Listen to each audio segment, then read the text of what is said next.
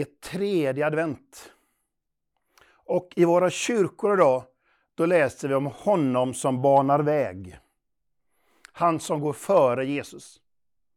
Johannes döparen. Johannes döparen har alltid berört mig. Kanske lite extra. För jag har alltid känt mig som en liten udda fågel.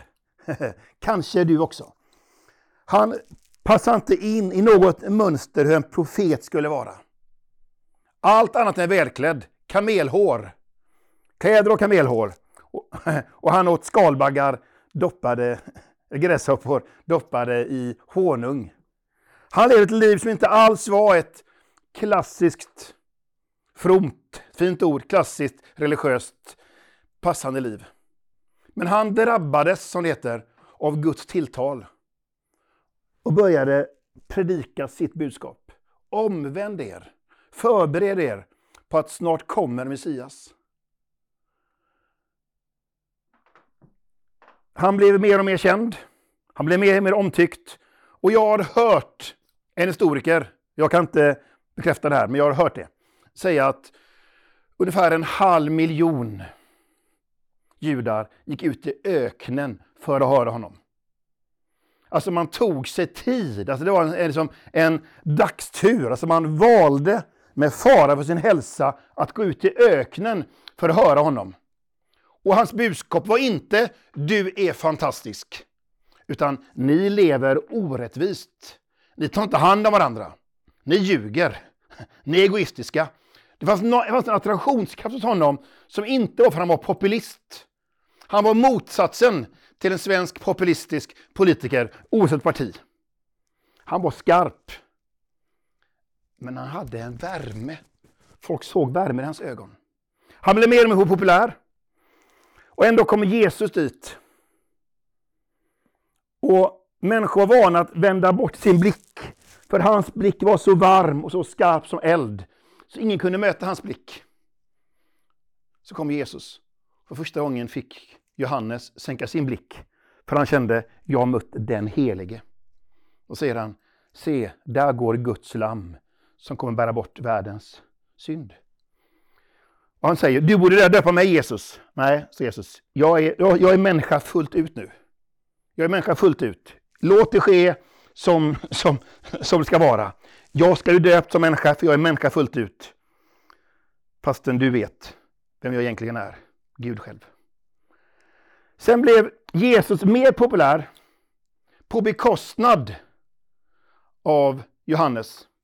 Och hans lärjungar blir så här bekymrade.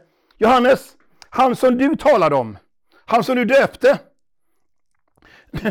Nu är han mer populär än dig. Vad ska vi göra?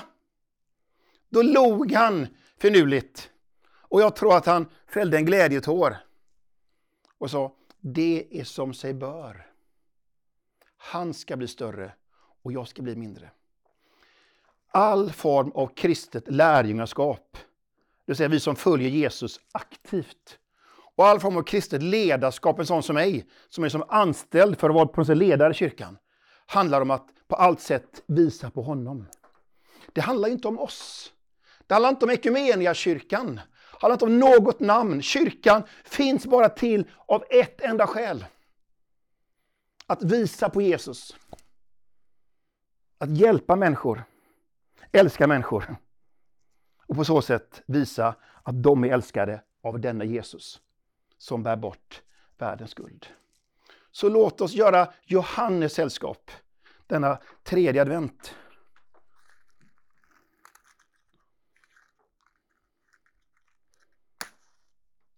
Vi tänder ett tredje ljus. Och idag får det här ljuset symbolisera våran bön. Att vi ska få visa upp världen ihop med Kristus. Som den kristna filosofen och författaren C.S. Lewis sa. Shine, lys. But not so the people will see you, but Christ through you. Lys, men inte så att människor ser er, utan ser han som bor i er, Jesus Kristus. Herre, jag ber för den här dagen. Be för tredje advent, be för våra kyrkor, be för oss som säger oss ha en tro på dig. Hjälp oss att slå följe med Johannes. Att göra allt vi kan för att tala ut sanning. Allt vi kan för att lyfta människor. Allt vi kan för att vara en relevant röst i dagen, i samhället idag. Men hjälp oss att göra det så att vi visar på Jesus. Hjälp oss att med Johannes som föredöme också bli en vägröjare, en som går före och bereder mark. Den bönen ber jag till dig, Fader Gud, ihop med dig själv Jesus. Och tackar du helige Ande hjälper oss att bli ett bönesvar för den här världen. Amen.